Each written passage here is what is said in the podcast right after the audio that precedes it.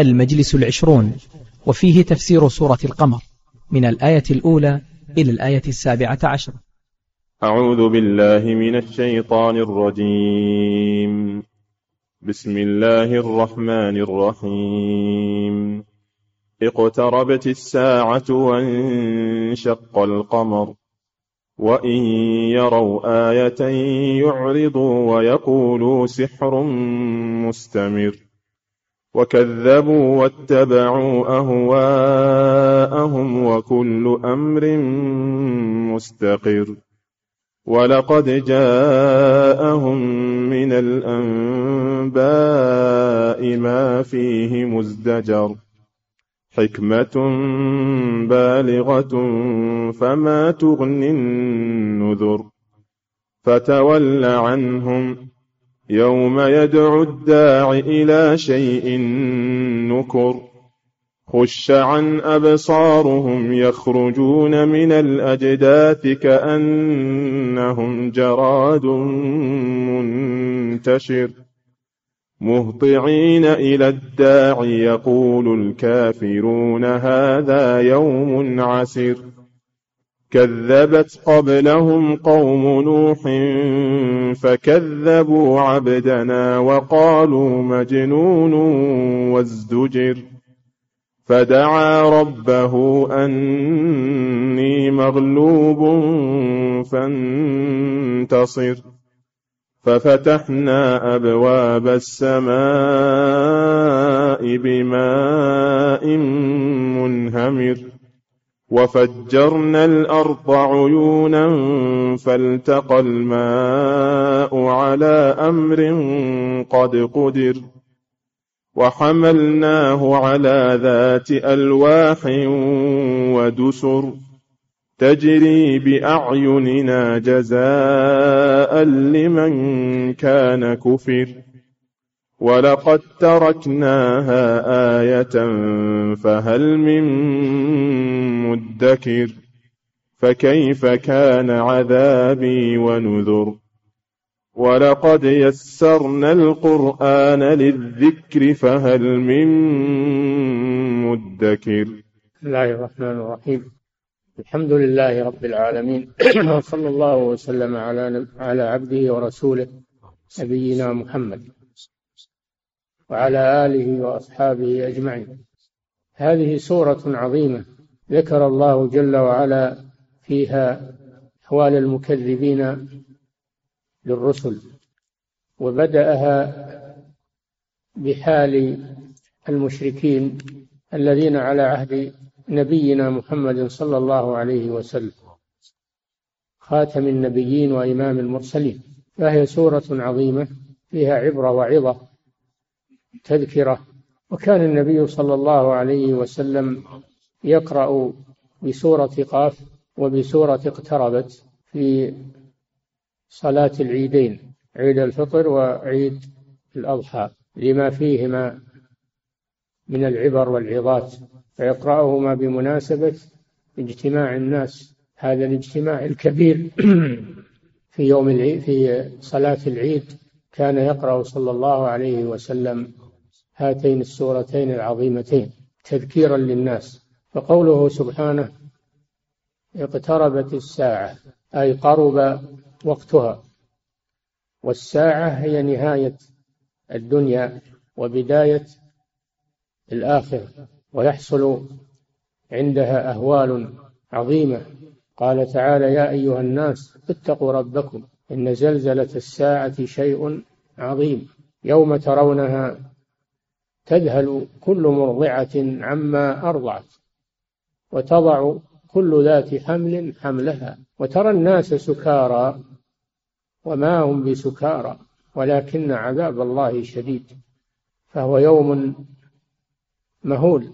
وقد أخفاه الله سبحانه وتعالى أخفى وقته عن عباده فلم يطلع عليه ملكا مقربا ولا نبيا مرسلا فضلا عن غيرهم فهو من الأمور التي لا يعلمها إلا هو سبحانه وتعالى. وكان المشركون يسألون رسول الله صلى الله عليه وسلم عن الساعة فيخبرهم أنه لا يدري عنها أمرها إلى الله سبحانه وتعالى. وليس للناس مصلحة في بيان وقتها. لو كان لهم مصلحة في ذلك لبينه الله جل وعلا. استأثر سبحانه وتعالى بعلمها ولهذا لما سأل جبريل عليه السلام نبينا محمدا صلى الله عليه وسلم قال أخبرني عن الساعة قال ما المسؤول عنها؟ بأعلم من السائل. أي أنا وأنت سواء لا نعلمها لأن الله حجب ذلك عن عباده استأثر به سبحانه وتعالى. قال أخبرني عن أماراتها. أمارات الساعة ذكرها الله سبحانه وتعالى وذكرها النبي صلى الله عليه وسلم لأجل أن يستعد الناس ويعتبروا. قال تعالى فهل ينظرون إلا الساعة؟ أي ينتظرون إلا الساعة أن تأتيهم بغتة فقد جاء أشراطها أي علاماتها أشراطها علاماتها الدالة على قربها. سألك الناس عن الساعة قل إنما علمها عند الله. وما يدريك لعل الساعة تكون قريبا. وفي هذه مطلع هذه السورة أخبر سبحانه وتعالى عن قربها فقال اقتربت الساعة.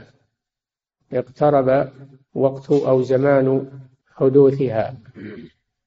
كما قال تعالى أتى أمر الله فلا تستعجلوه. وقال سبحانه وتعالى اقترب للناس حسابهم وهم في غفلة معرضون. الساعة قريبة وأماراتها كما قال الله جل وعلا فقد جاء أشراطها.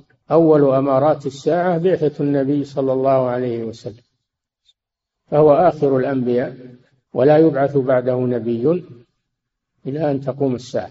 ولهذا قال صلى الله عليه وسلم بعثت أنا والساعة هكذا وأشار بأصبعيه السبابة والوسطى فهو نبي الساعة عليه الصلاة والسلام. ومن أسمائه صلى الله عليه وسلم الحاشر الذي يحشر الناس على عقبه يعني تأتي الساعة بعد والحشر بعده صلى الله عليه وسلم. اقتربت الساعة ومعنى هذا أن وقتها قريب بالنسبة لما مضى من الزمان. فإذا قست ما بقي بما مضى تجد أن الباقي قليل. اقتربت الساعة.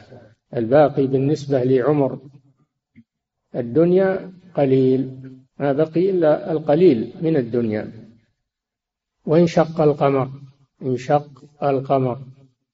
من علامات الساعة انشقاق القمر وقد حصل وانشق انشقاقا أي انفلق فلقتين ورآه أهل مكة معجزة للرسول صلى الله عليه وسلم. فكانت فلقة منه على جبل أبي قبيس وفلقة فلقة الثانية على جبل قعيقعان المقابل له وهم ينظرون إلى ذلك لكنهم كذبوا بهذا ولم يصدقوا. إن القمر سينشق. فقالوا لعل لا إن محمدا سحر أبصارنا. سحر أبصارنا. فاسألوا القادمين. من المسافرين اسألوهم إذا قدموا. فكان كل من قدم أخبرهم أنه رأى القمر قد انشق. فتبين بذلك كذبهم وأن انشقاق القمر حقيقة لا سحر. والرسول صلى الله عليه وسلم وجميع الأنبياء ليسوا سحرة وإنما هم أنبياء الله الصادقون المصدوقون. ثم إن القمر ليس قريبا من من البشر هو في السماوات في السماء الدنيا بعيد عن متناول البشر. فكيف يستطيع النبي صلى الله عليه وسلم أن يسحرهم به وهو بعيد عنهم؟ وانشق القمر انشق انشقاقا حقيقيا. يقول ابن كثير رحمه الله قد تواترت الأخبار والأحاديث في هذا فلم يبق مجال للشك في وقوعه. انشق القمر. من المفسرين من يحاول أن يقول هذا عبارة عن ظهور الحق تأويل يؤولون هذا عبارة عن ظهور الحق. وبيانه واندحار الباطل وهذا شك وهذا الكلام باطل لأنه تأويل لما ذكر الله سبحانه وتعالى بالرأي والعقل فلا يلتفت إليه لا يلتفت إليه. ثم قال جل وعلا وإن يروا آية يروا أي كفار قريش مشركين يعرضوا لأنهم لا يريدون الحق والإنسان إذا كان لا يريد الحق فلن تستطيع أن لن تستطيع أن تؤثر عليه لأنه لا يريد الحق ويتبع هواه وهذا لا حيلة فيه. قال تعالى وما تغني الآيات والنذر عن قوم لا يؤمنون. فهل ينتظرون إلا مثل أيام الذين خلوا من قبلهم؟ قل فانتظروا إني معكم من المنتظرين. فهم لا يستفيدون من العبر ولا من العظات ولا من الأدلة والبراهين لأنهم لا يريدون الحق معاندون والمعاند لا حيلة فيه. وإن يروا آية يعرضوا ويقولوا سحر يقولون إن انشقاق القمر إنما هو تخييل وسحر. سحر به محمد أعيننا. لأن هناك نوع من السحر تخييلي كالذي حصل من سحرة فرعون. سحروا أعين الناس استرهبوهم وجاءوا بسحر عظيم. فزعم هؤلاء أن انشقاق القمر من هذا النوع من السحر التخييلي الذي يسمى بالقمرة التي تسحر الأبصار وليس سحرا حقيقيا لأن السحر على قسمين سحر حقيقي وسحر تخيلي. فهم صنفوا انشقاق القمر من السحر التخييلي وهكذا القلوب القاسية والقلوب التي لا تؤمن بآيات الله تفسر الأحداث بتفسيرات غريبة بعيدة عن العقول فيفسرون المعجزات بتفسيرات غريبة وأنها ليست بمعجزات ويفسرون الحوادث بأنها لا تدل على على عذاب. ولا على غضب من الله سبحانه وتعالى وإنما هي أمور طبيعية كالذي تسمعون الآن من بعض الصحفيين لما حدث الحدث العظيم الذي الزلزال الذي هاجت له البحار وهلك به أمم.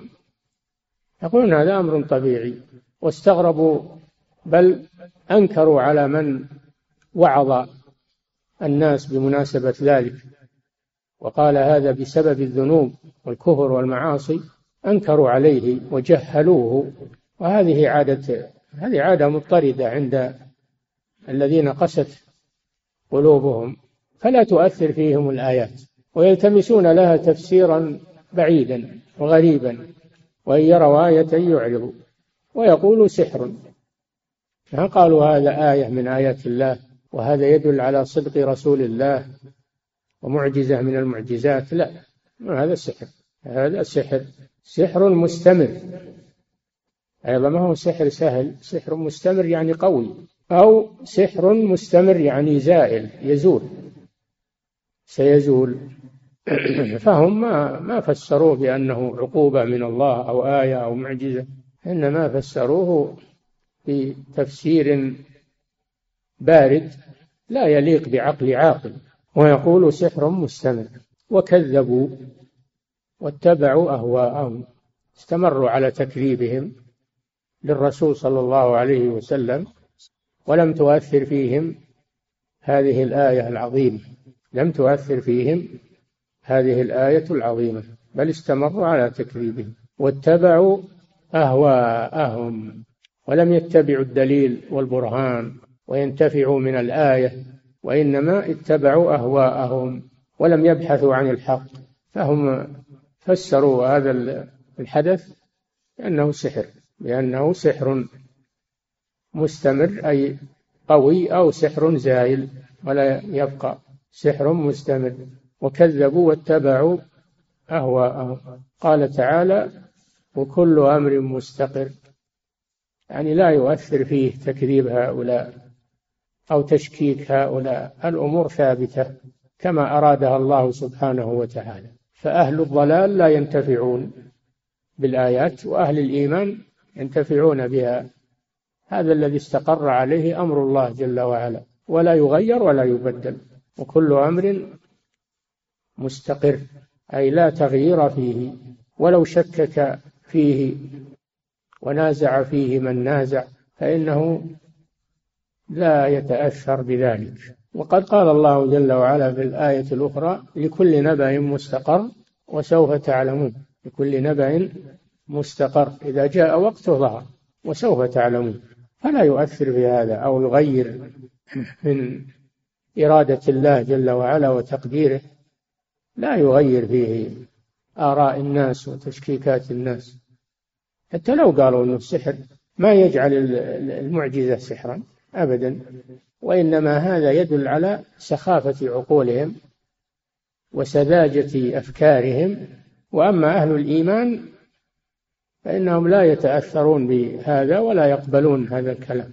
قال جل وعلا ولقد جاءهم من الأنباء أي من الأخبار الماضية والأمم الهالكة التي كذبت الرسل كذبت بالمعجزات والآيات التي معهم ما قصه الله سبحانه وتعالى عليهم في هذا القرآن جاءهم من الأنباء وشاهدوا أيضا بأعينهم الأحداث التي تجري لكن كما قال الله جل وعلا وما تغني الآيات والنذر عن قوم قل انظروا ماذا في السماوات والأرض وما تغني الآيات والنذر عن قوم لا يؤمنون ولقد جاءهم من الأنباء. هذا تأكيد. اللام لام القسم وقد للتحقيق بلغهم فعلنا بالأمم المكذبة قبلهم ولكن لم يتعظوا ويحذروا أن يصيبهم مثل ما أصاب الأمم قبلهم لأن قلوبهم ميتة. لا تؤثر فيها المواعظ والأحداث. ولقد جاءهم من الأنباء ما فيه مزدجر أي زاجر. لمن له قلب مزدجر أصله مزتجر بالتاء. ثم أبدلت التاء دالا فصار مزدجر. ما فيه مزدجر أي موعظة وزاجر لمن ي... لمن يتدبر بعقله يتدبر بعقله ما يبلغه من الأحداث. ولكن مع هذا لم لم يزدجروا. ما فيه مزدجر. ثم قال جل وعلا حكمة بالغة. حكمة من الله أن إصرارهم على الكفر والعناد هذا حكمة من الله أن الله جل وعلا حرمهم من الهداية لأنهم لا يصلحون للهداية وليسوا موضعا للهداية. والله جل وعلا حكيم عليم يضع الهداية في من يقبلها ويستحقها ويصرف عنها من لا يريدها ولا ولا يستحقها. هذه حكمته سبحانه وتعالى. ولو شاء ربك ما فعلوا فذرهم وما يفترون. هذه حكمة من الله جل وعلا. حكمة بالغة. حكمة عظيمة. بالغة للعقول والأفهام. لا يستريب فيها من في قلبه إيمان. فالله جل وعلا لا يجري ما يجري في هذا الكون من إيمان وكفر وهدى وضلال وخير وشر إلا لحكمة إلا لحكمة بالغة. فما تغني النذر؟ ما تغني النذر. استنكار أن النذر لا لا تغني في هؤلاء. وما تغني الآيات والنذر عن قوم لا يؤمنون. أي شيء تغنيه وتفيده النذر جمع نذير من الحوادث والوقائع التي تنذر تنذر الناس من الأخطار أو النذر الرسل عليهم الصلاة والسلام. فالنذر تشمل الرسل وتشمل الأحداث والوقائع كلها نذر لمن ينتفع بها ويعتبر بها. أما من لا ينتفع بها فإنها لا تغني لا تغني في حقه. لأن الله عاقبه بطمس قلبه وعمى بصيرته فما تفيد فيه المواعظ ولا الزواجر ولا الأنباء الصادقة عن الأمم السابقة. ثم قال الله جل وعلا لنبيه صلى الله عليه وسلم فتولى عنهم تولى عنهم أي أعرض عنهم ولا يهمك شأنهم لأنك قد بلغت لأنك قد بلغت وأديت ما عليك فأعرض عنهم ولا تهتم بهم. وكل أمرهم إلى الله. كما قال جل وعلا خذ العفو وأمر بالعرف وأعرض عن المشركين. وهذا الإعراض يوم أن كان صلى الله عليه وسلم في مكة في العهد المكي السورة مكية كان مأمورا بالإعراض مع الإبلاغ والإنذار إلى أن هاجر النبي صلى الله عليه وسلم وصار له قوة. فحينئذ أمره الله بالجهاد أمره بجهاد الكفار. أما في مكة فهو مأمور بالإعراض والصفح والإمهال لأنه لا قدرة له على مصارعتهم ومجالدتهم. هذا في العهد المكي. ثم نسخ ذلك في العهد المدني حينما توفرت للمسلمين القوة والقدرة. على الجهاد. ثم قال جل وعلا مذكرا بما يحدث في المستقبل. يوم يدعو الداعي إلى شيء نكر. يوم يدعو الداعي إلى شيء نكر وهذا عند البعث. والداعي هو إسرافيل عليه السلام حينما ينفخ في الصور نفخة البعث ويدعو الأموات إلى أن يقوموا من قبورهم ومن آياته أن تقوم السماء والأرض بأمره. ثم إذا دعاكم دعوة من الأرض إذا أنتم تخرجون.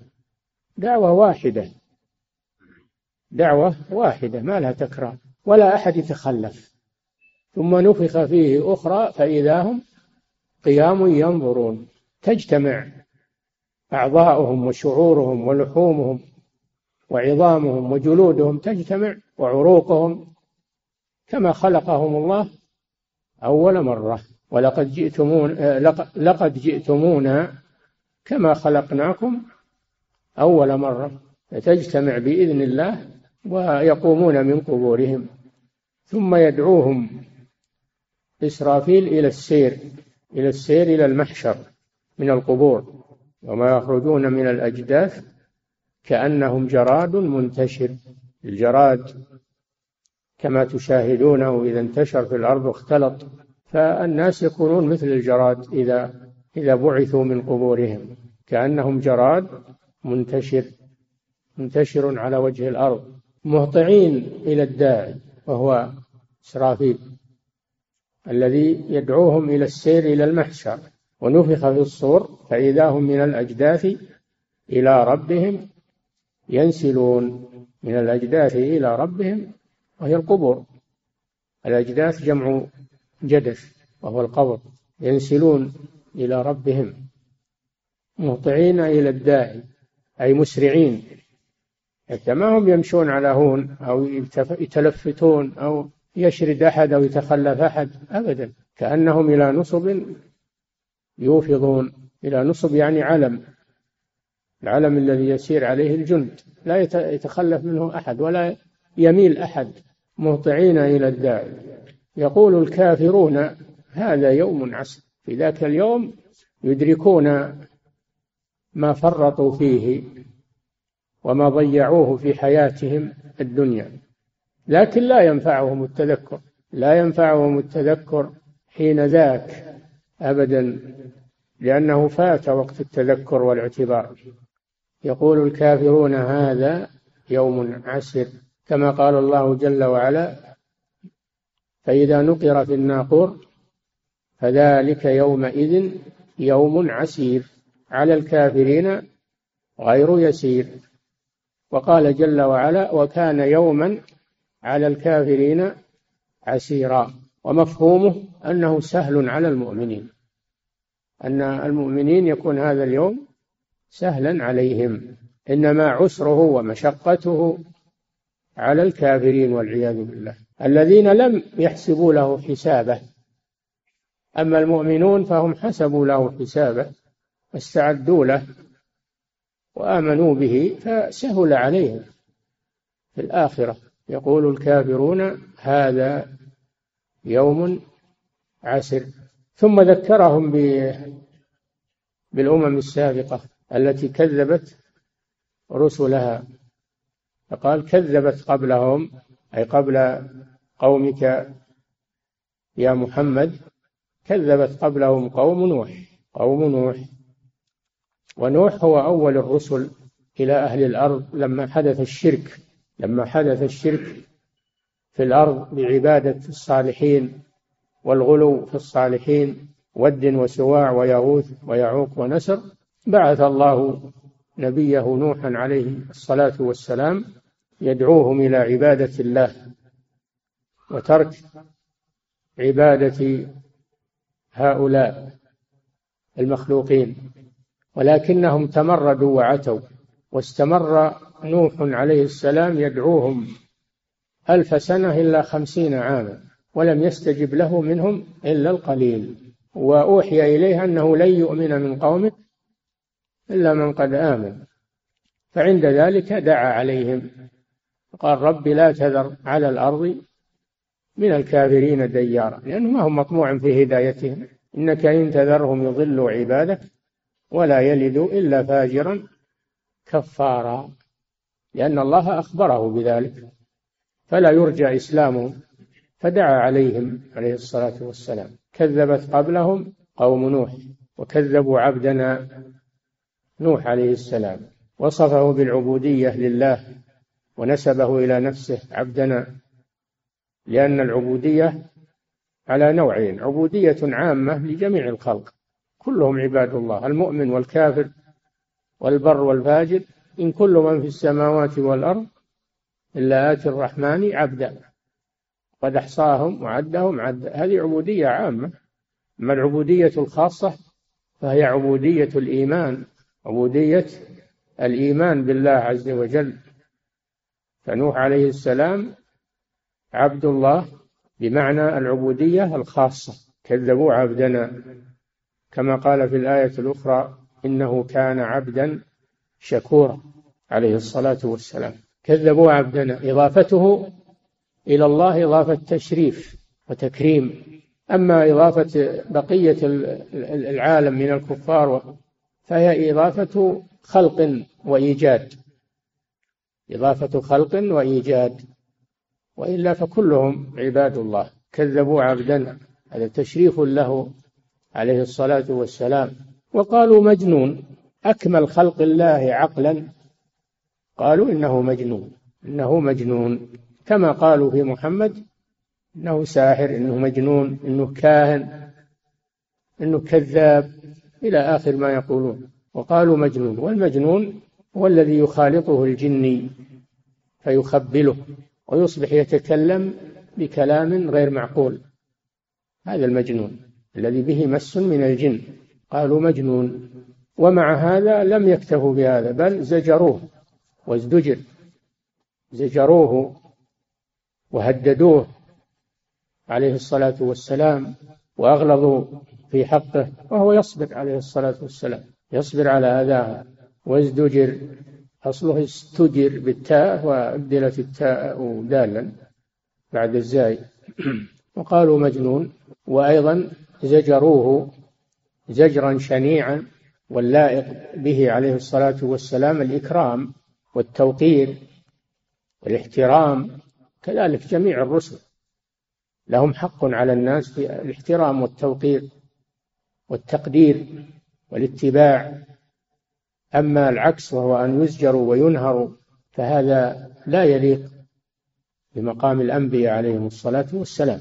عند ذلك لما طال العهد ولم يستجب له إلا القليل وأخبره الله أخبره الله أنهم لا أنه لن يؤمن من قومك إلا من قد آمن. فدعا ربه دعا ربه كما في آخر سورة نوح. قال ربي لا تذر على الأرض من الكافرين ديارا فدعا ربه أني مغلوب أني مغلوب فانتصر أي انتصر لي. تغلب عليه الكفار وبلغوا حدا من الكفر والتحدي لم يبلغه غيرهم. مع طول العهد ألف سنة إلا خمسين عاما وهو يدعوهم إلى الله. ولا ترك سبيل من الدعوة من سبل الدعوة إلا وقد قال ربي إني دعوت قومي ليلا ونهارا فلم يزدهم دعائي إلا فرارا وإني كلما دعوتهم لتغفر لهم جعلوا أصابعهم في آذانهم. ما يريدون سماع صوت نوح عليه السلام. جعلوا أصابعهم في آذانهم واستغشوا ثيابهم تغطون عن الحتة وأصروا صروا على كفرهم واستكبروا استكبارا. ثم إني دعوتهم جهارا. ثم إني أعلنت لهم وأسررت لهم إسرارا. فقلت استغفروا ربكم إنه كان غفارا. السورة كلها في قصة نوح مع قومه ومعالجته لهم صبره عليهم وحرصه على هدايتهم. فدعا ربه أني مغلوب. فانتصر انتصر لي يا ربي لأن الله ينتصر لعباده. المؤمنين ويجعل العاقبة لهم هلا الكافرين والمعاندين. فأجاب الله دعاءه أجاب الله دعاءه. فأمر السماء فانهمرت بالماء وأمر الأرض فنبعت بالمياه. فتحنا أبواب السماء بماء منهمر. ليس كالعادة مطر يعني ودق وإنما هو منهمر والعياذ بالله منصب منصب انصبابا. فتحنا أبواب السماء بماء منهمر وفجرنا الأرض عيونا. حتى التنور الذي كان توقد فيه النار ومحل الحريق نبع صار عين. جرنا الأرض عيونا. فالتقى الماء ماء السماء وماء الأرض على أمر قد قدر. على أمر قدره الله وقضاه. وقيل على أمر قد قدر أن الله قدر ماء السماء وماء الأرض. قدر ما ينبع من الأرض وقدر ما ينزل من من السماء فالتقى ماء السماء المقدر وماء الأرض المقدر. ماذا كان لنوح عليه السلام وما هو شأنه في هذه الحادثة؟ وحملناه حمل نوحا عليه السلام. حملناه على ذات ألواح ودسر وهي السفينة. أمره الله أن يصنع السفينة وكانوا يسخرون منه. ويصنع الفلك وكلما مر عليه ملأ من قومه سخروا منه. قال إن تسخروا منا فإنا نسخر منكم كما تسخرون. فسوف تعلمون من يأتيه عذاب يخزيه ويحل عليه عذاب مقيم. لما تكامل صنع السفينة أمره الله أن يحمل فيها من كل زوجين اثنين لبقاء النسل. ثم حصل الطوفان. حصل الطوفان فسارت السفينة على الطوفان على الأمواج وهي تجري بهم في موج كالجبال. في موج كالجبال. فعند ذلك أنجى الله نبيه رسوله نوحا عليه السلام ومن معه من المؤمنين ومن معه أيضا من بقية المخلوقات الأزواج التي حملها معه لبقاء النسل. وأغرق أهل الأرض كلهم عن آخره ولم ينجو إلا نوح عليه السلام ومن معه في السفينة. فأنجيناه وأصحاب السفينة.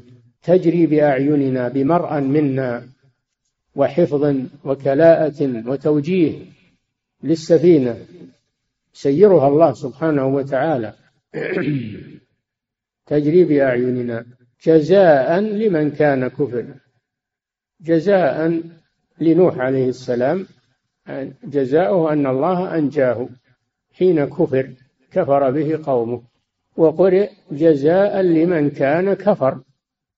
أي أن هذا الغرق جزاء الكفرة من كان كفر جزاء لمن كان كفر. هذه القراءة المشهورة. أي نوح عليه السلام لما كفره قومه أنجاه الله وأهلكهم. أفلا يعتبر هؤلاء الذين عصوا أفضل الرسل عليه الصلاة والسلام محمد صلى الله عليه وسلم؟ ألا يعتبرون بهذا الحدث؟ ولقد تركناها آية. ترك الله السفينة آية. أي علامة على قدرته سبحانه وتعالى. قيل إنها, إنها تركت بذاتها. وذات ألواح الخشب. ذات ألواح يعني الخشب. والدسر المسامير. الدسر المسامير وقيل الحبال التي تربطها تجري بأعيننا جزاء لمن كان كفر ولقد تركناها آية آية للمعتبرين. بقيت هي بذاتها أو جنس أو المراد جنسها مما تعلم الناس من صناعة المراكب البحرية والفلك التي تجري في البحر. أبقى الله جل وعلا هذه الصنعة في بني آدم آية على قدرته سبحانه. ومن أعظم الآيات أن هذه البواخر والمراكب والبوارج الهائلة تمشي على البحر على الماء. ولا تغرق ولا ت... ولا تغوص في الماء. من الذي يحملها؟ هو الله جل وعلا. وأيضا تقف تقف. تقف على البحر ولا تغوص. لا تغوص لا ماشية ولا ولا واقفة مع ما فيها من الأحمال الثقيلة. فهذا من آيات الله سبحانه وتعالى. ولقد تركناها آية فهل من مدكر أي متذكر ومتعظ ومعتبر. هل من مدكر؟ هذا تنبيه وحث على التذكر والاعتبار. وألا تجري هذه الحوادث أو ذكر لا يجري ذكر هذه الحوادث عابرا فقط بدون اعتبار. فأنت حينما تقرأ القرآن تقرأ التاريخ يجب أن تعتبر وأن تخاف من الله لا مجرد الاطلاع فقط لا لمجرد الاطلاع والثقافة فقط بل الأهم من ذلك هو الاعتبار والاتعاظ. فهل من مدكر؟ ثم قال جل وعلا ولقد يسرنا القرآن للذكر. سهل الله القرآن. العظيم سهله للحفظ والتعلم وللتدبر وللعمل فهو ميسر فهو ميسر لمن وفقه الله سبحانه وتعالى. هذا شيء واضح. تجد الطفل الصغير يحفظ القرآن بينما لو تأمره بحفظ قصة ولا حفظ آه، أسطر من التاريخ ما يستطيع يحفظها ولا يتقنها. لكن القرآن ما شاء الله يقرأه بسهولة. ويحفظه ويبقى في ذاكرته. هذا من من تسهيل الله لهذا القرآن.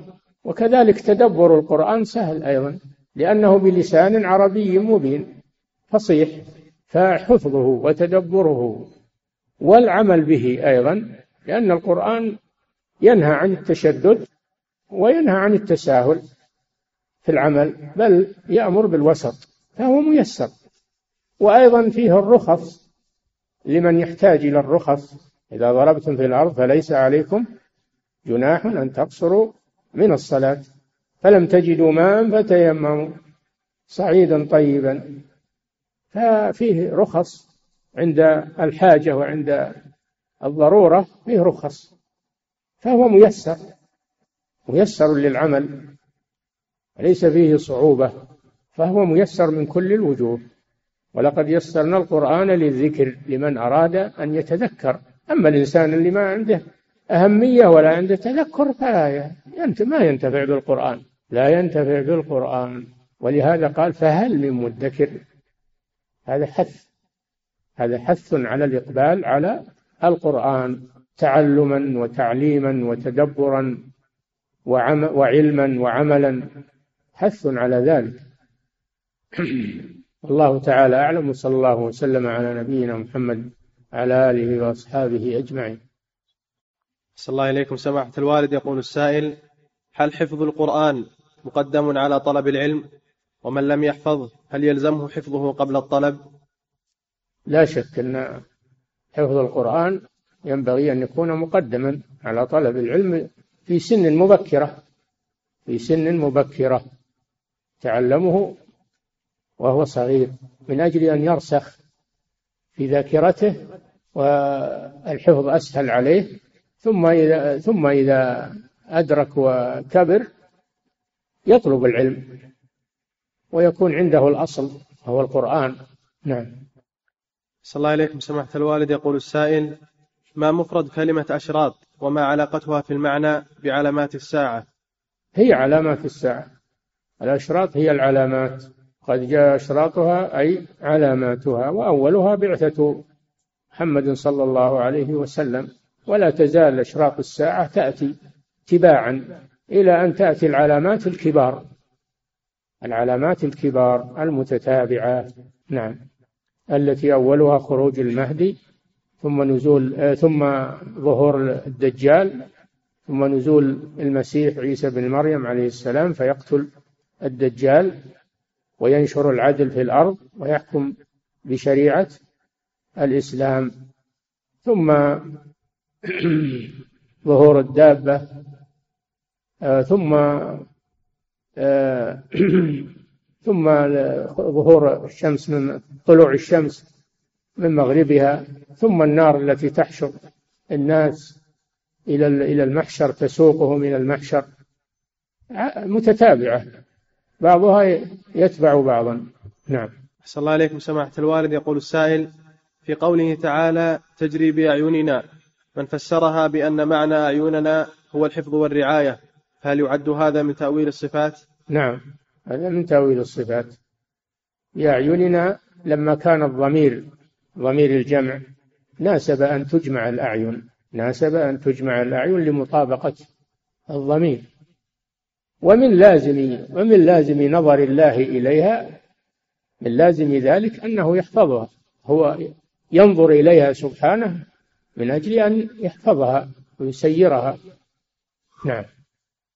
أحسن الله إليكم. سماحة الوالد يقول السائل هل يصح القول بأن البشر قد وصلوا إلى القمر أم أنه كذب؟ وهل القمر نور للأرض والسماء الدنيا أم أنه نور للسماوات السبع كلها؟ كما قال تعالى وجعل القمر فيهن نورا. القمر في السماء الدنيا في السماء الدنيا. والوصول إليه نحن ما صحبناهم ولا ندري. هم يقولون هذا نحن لا نصدقهم. لا نصدقهم لأنهم كفار. لا يصدق خبرهم. نعم. أحسن الله إليكم سماحة الوالد. يقول السائل قرأنا في بعض كتب الغربيين الذين ذهبوا إلى القمر أنهم رأوا آثار انشقاق القمر. والسؤال هل يستأنس بقول من قال من هؤلاء على ترجيح قول المفسرين الذين ذهبوا إلى أن الانشقاق كان حقيقيا؟ ما أنهم يرون أثر انشقاق القمر فلا أدري. أنا أشك في وصولهم. فكيف بأنهم رأوا آثار انشقاق القمر؟ هذه أمور ما نبحث فيها ولا ندخل فيها. نعم. أحسن الله إليكم سماحة الوالد. يقول السائل هل علامات الساعة الصغرى قد اكتملت؟ الله أعلم. حصل منها ما حصل و... ويأتي بقيتها. الله أعلم. نعم. أحسن الله إليكم سماحة الوالد. يقول السائل تقدم معنا في الدرس كما ترون كما ترون الآن من الحوادث والأشياء التي تدل على علامات الساعة ونهاية الدنيا. نعم. أحسن الله إليكم سماحة الوالد. يقول السائل تقدم معنا في الدرس أن السحر ينقسم إلى قسمين. سحر حقيقي وسحر تخيلي فما الفرق بين القسمين؟ الحقيقي يقتل ويمرض ويفرق بين المرء وزوجه وأما التخييلي فهذا إنما هو على الأبصار فقط ولا حقيقة له إنما هو قمرة وتخيل نعم ولا حقيقة له ولا يؤثر على الأشياء. لا الأشياء هي الأشياء ما يؤثر عليها. نعم. صلى الله عليكم سماحة الوالد يقول السائل في قوله تعالى والذين كفروا أولياؤهم الطاغوت يخرجونهم من النور إلى الظلمات. يقول فما هو النور الذي يخرجون منه وهم كفار؟ يخرجونهم من النور اللي هو الوحي يطردونهم عن الوحي ويمنعونهم من الاستماع إليه.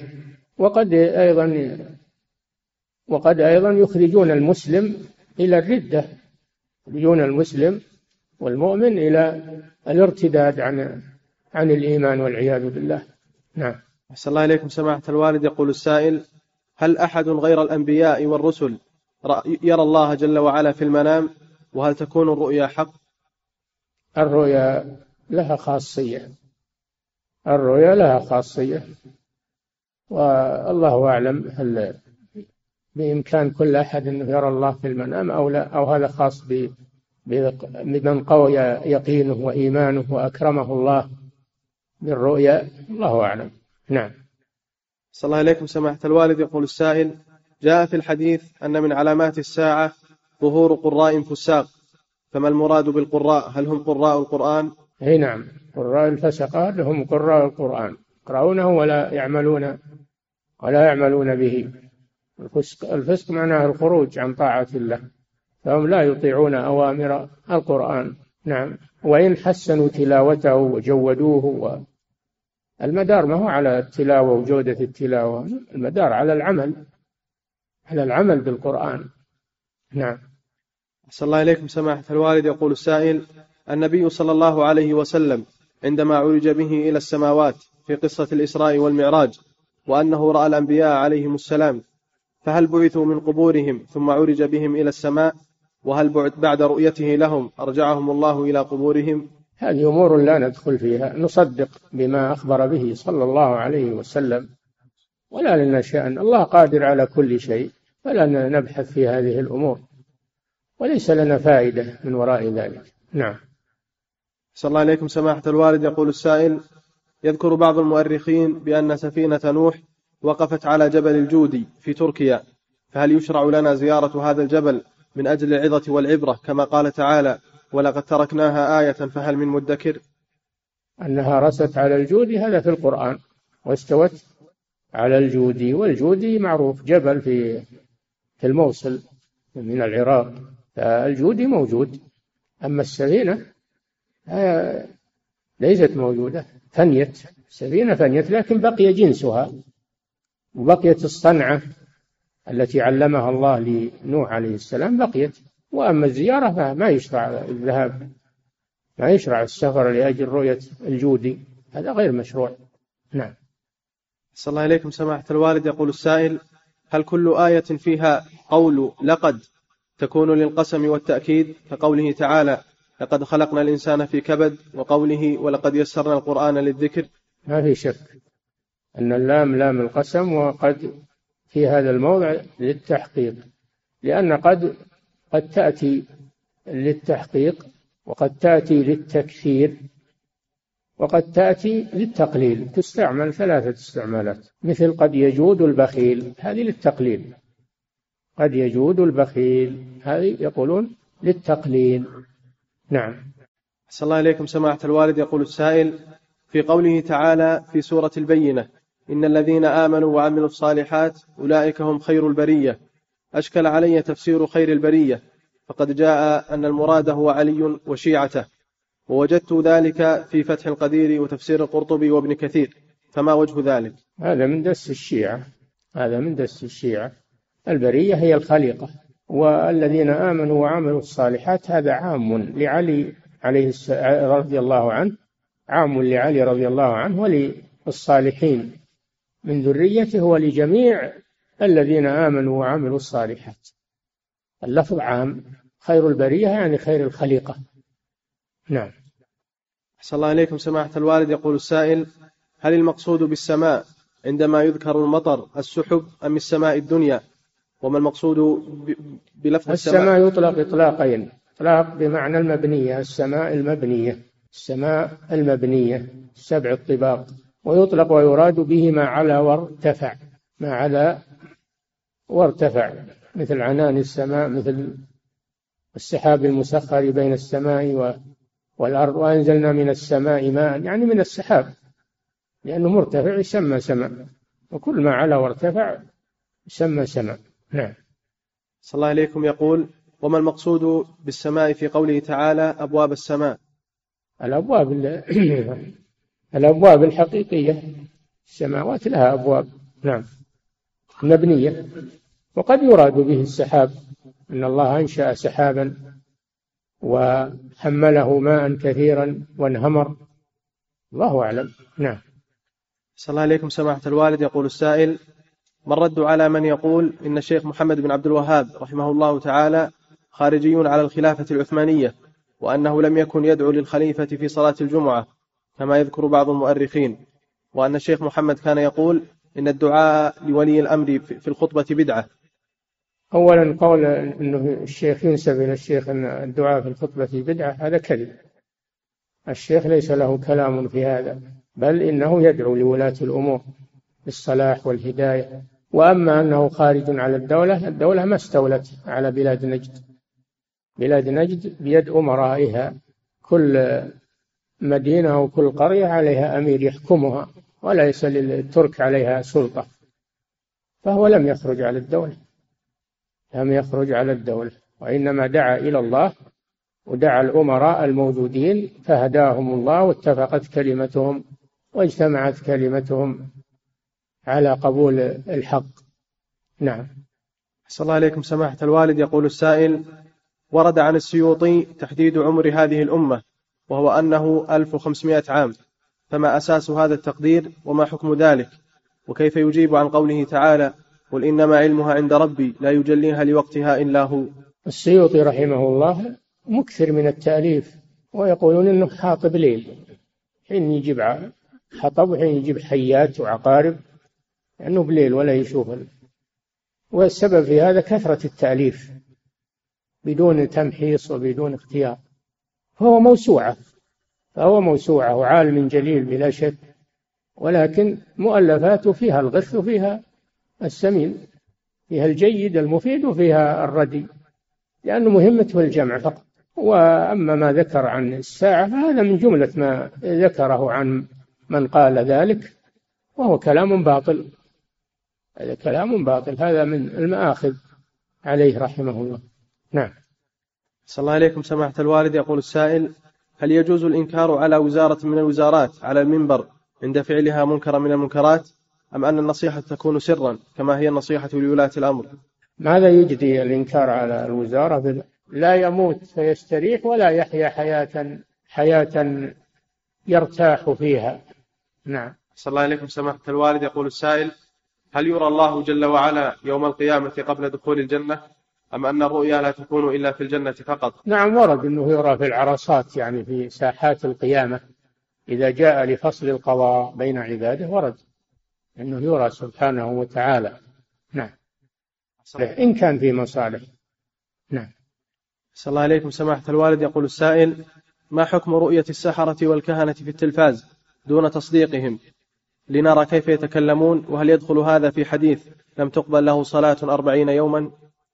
إذا صدقتهم تدخل في الحديث. أما إذا لم تصدقهم فإنك تأثم وقد لا تقبل لك صلاة أربعين يوما. فلا يجوز النظر في هذه القنوات بل يجب الابتعاد عنها. وما الذي يدريك أنها لا تؤثر عليك وأنها لا ت... وأنها لا تصرفك عن دينك؟ أنت معصوم؟ لست بمعصوم. عليك أن تبتعد عنها. غاية الابتعاد وأن تبعدها عن بيتك وعن أسرتك. نعم. صلى الله عليكم سماحة الوالد. يقول السائل وهذا سؤال ورد من الجزائر. يقول نود من فضيلتكم أن تذكروا لنا أهم كتب التفسير التي يمكن أن ندرسها على العوام في المساجد. تفسير ابن كثير رحمه الله وتفسير البغوي وتفسير المعاصر تفسير الشيخ عبد الرحمن بن سعدي رحمه الله. هذه التفاسير سهلة وموثوقة. نعم. صلى الله عليكم سماحة الوالد. يقول السائل أنا أعمل في الشرطة. وظروف عملي تمنعني من حضور الدروس ونقوم بتأخير الصلاة عن وقتها لظروف العمل. فهل نحن مثابون؟ هذا حسب الإمكان. الدروس إذا حصل لك فرصة تحضر وإذا ما حصل فرصة فإنك تبقى في عملك. والحمد لله اليوم تيسرت الأشرطة وال والكتب فعليك أنك تستمع وتقرأ. وتسأل أهل العلم عما أشكل عليك وما لا يدرك كله لا لا يترك كله. وأما تأخير الصلاة عن وقتها فهذا يحتاج إلى تفصيل. ما ندري وش الأسباب ولا ندري وش الوقت اللي تقصد. تأخر الصلاة عن وقتها يعني عن أول وقتها عن أول وقتها لا بأس بذلك. أو تؤخر الصلاة عن وقتها يعني تخرجها عن وقتها حتى يدخل وقت الثانية هذا له أحوال وله فيه نظر. يحتاج أنك تكتب السؤال وتبين وتوضح فيه. ترسله للإفتاء ترسله لدار الإفتاء. ينظر فيه ويأتيك الجواب إن شاء الله. نعم. صلى الله عليكم سماحة الوالد. يقول السائل بعض المفسرين فسر قوله تعالى فثم وجه الله بالقبلة. فهل في هذا تأويل لهذه الصفة؟ لا ليس تأويلا لهذه الصفة. لأن الوجه يطلق ويراد به الجهة. أي فثم الجهة التي أمر الله بالتوجه إليها. ووجه الله ثابت في غير هذه الآية. ويبقى وجه ربك ذو الجلال والإكرام. كل شيء هالك إلا وجهه. فوجه الله ثابت في غير هذه هذه الآية المحتملة. نعم. صلى الله إليكم سماحة الوالد. يقول السائل الاستعاذة بالله من الشيطان الرجيم. عند التثاؤب هل لها دليل؟ لا. المشروع عند التثاؤب أن الإنسان يكظمه ما استطاع ولا يسمح له لأنه من الشيطان. فإن غلبه فإنه يضع يده على فمه يضع يده على فمه ولا يظهر له صوت مثل ما يفعل بعض الناس. حتى في الصلاة بعض الناس يشوش على المصلي يكظمه ما استطاع فإن غلبه فإنه يضع يده على على فمه ويخفف صوته مهما استطاع. نعم. صلى الله عليكم سماحة الوالد. يقول السائل ما حكم صلاة تحية المسجد في وقت النهي؟ وهل هي من ذوات الأسباب؟ المسألة فيها خلاف. من صلى لا ينكر عليه ومن ترك لا ينكر عليه لأن المسألة فيها خلاف وكل له دليل. الأدلة فيها مختلفة فالأمر سهل في هذا. نعم. صلى الله عليكم سماحة الوالد. يقول السائل ما المراد بتأويل الصفات؟ وهل الأشعرية هم الذين أولوا الصفات؟ تأويل الصفات المراد به تفسيرها بغير تفسير الصحيح. هذا التأويل. تفسير غير الصحيح. هذا تأويل للصفات وصرف لها عن مدلولها. والأشاعرة من الفرق التي أولت الصفات الجهمية والمعتزلة والأشاعرة والماتريدية كلهم أولوا الصفات. نعم. صلى الله عليكم سماحة الوالد. يقول السائل لي بعض الأقارب يذهبون لأداء العمرة ويرجعون إلى بلدهم ولا يقومون بزيارة الأقارب الموجودين في مكة. ويستد... يقول يذهبون إلى العمرة ويرجعون ولا يزورون أقاربهم الموجودين في مكة. ويستدلون بقوله صلى الله عليه وسلم من كانت هجرته إلى الله ورسوله فهجرته إلى الله ورسوله. وفي رحلتهم هذه إلى مكة تكون هجرتهم إلى الله ورسوله فقط. فهل استدلالهم صحيح؟ لا. هذا ما هو هذا مضحك. هذا استدلال مضحك. المقصود بهجرته إلى الله ورسوله أنه ما يستقر مكة ويترك البلد الهجرة. ما يستقر مكة ويترك بلد الهجرة. وهذا بالصحابة خاص بالصحابة رضي الله عنهم. خاص بالصحابة رضي الله عنهم. أما صلة, صلة الأقارب هذه واجبة على المعتمر وغيره. فإذا كان لك أقارب في مكة يجب عليك أن تزورهم. وأن تواصلهم. يجب عليك أن تزور أقاربك وأن تصلهم. نعم. والآن مكة وغيرها كلها ولله الحمد صارت بلاد إسلام. كلها صارت بلاد إسلام. وأنت لست مهاجرا أيضا. أنت متى من المهاجرين. هذا خاص بالذين هاجروا من مكة في زمن النبي صلى الله عليه وسلم. أما بعد ذلك فلم يبقى هجرة من مكة. صارت بلد إسلام. إنما بقيت الهجرة من بلاد الكفر إلى بلاد الإسلام لا من مكة. نعم. صلى الله عليكم سماحة الوالد. يقول السائل أنا رجل أعمل في القطاع الخاص على فترات صباحية ومسائية. أنا؟ يقول أنا رجل أعمل في القطاع الخاص على فترات صباحية ومسائية وأخرج عند الساعة التاسعة صباحا ثم أنام. فماذا علي في صلاة الظهر إذا لم يستطع القيام لها لغلبة النوم؟ توصي من يوقظك. توصي من يوقظك من أهل بيتك ومن حولك.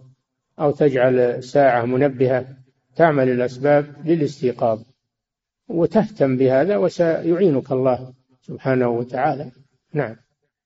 صلى الله عليكم سماحة الوالد. يقول السائل إذا قد إذا قدم لي مسلما إذا قدم لي مسلم طعاما فيه لحم ولا أدري أهو مستورد أم لا هل أسأل عنه أم أبني على غلبة الظن؟ لا تسأل عنه لا تكلف. إن شئت كل منه وإن شئت اتركه نعم. يقول أحسن الله إليكم هناك شركات سعودية للحوم تذبح في الخارج ويقولون إننا نرسل مشرفين عليها. إننا؟ يقول يقولون إننا نرسل مشرفين على تلك الشركات التي تذبح اللحوم في الخارج. يقول فما حكم الأكل منها؟ إذا إذا قالوا هذا فعلى ذمتهم. إذا قالوا هذا وهم محل ثقة فيكون هذا على ذمتهم تأكل منها لأن خبر المسلم يقبل. الأصل في المسلم العدالة الحمد لله. ما لم تعرف أنهم كاذبون في هذا. نعم. صلى الله إليكم سماحة الوالد. يقول السائل ما حكم الحج عن سجين حكم عليه بالقتل وهو لا يزال حيا؟ إذا كان يقدر على الحج يسمح له يحج. أما إذا كان ما يقدر فهو معذور ويوكل من يحج عنه. نعم. صلى الله عليكم سماحة الوالد. يقول السائل ما هو الراجح في حكم صلاة الضحى؟ وهل يداوم عليها؟ الراجح أنها سنة مؤكدة والأفضل عدم المداومة عليها بل يصلي يوما بعد يوم. يصليها يوما بعد يوم. نعم. صلى الله عليكم سماحة الوالد. يقول السائل ما المقصود بالثوب المعصفر؟ وهل هو مكروه أم محرم؟ معصفر المصبوغ بالعصفر ونبت معروف نبت معروف وله لون يميل إلى الحمرة. والمسلم منهي عن لبس ما فيه حمرة أو الأحمر الخالص. الأحمر الخالص إذا كان كله مصبوغ بالعصفر يتجنبه. نعم. ونهى صلى الله عليه وسلم عن لبس المعصفر في الإحرام لأنه نوع من الطيب. نعم.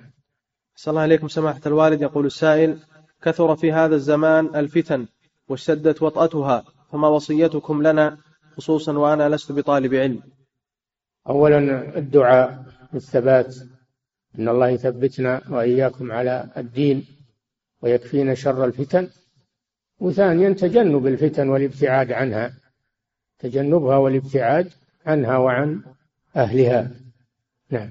انتهى. والله تعالى أعلم صلى الله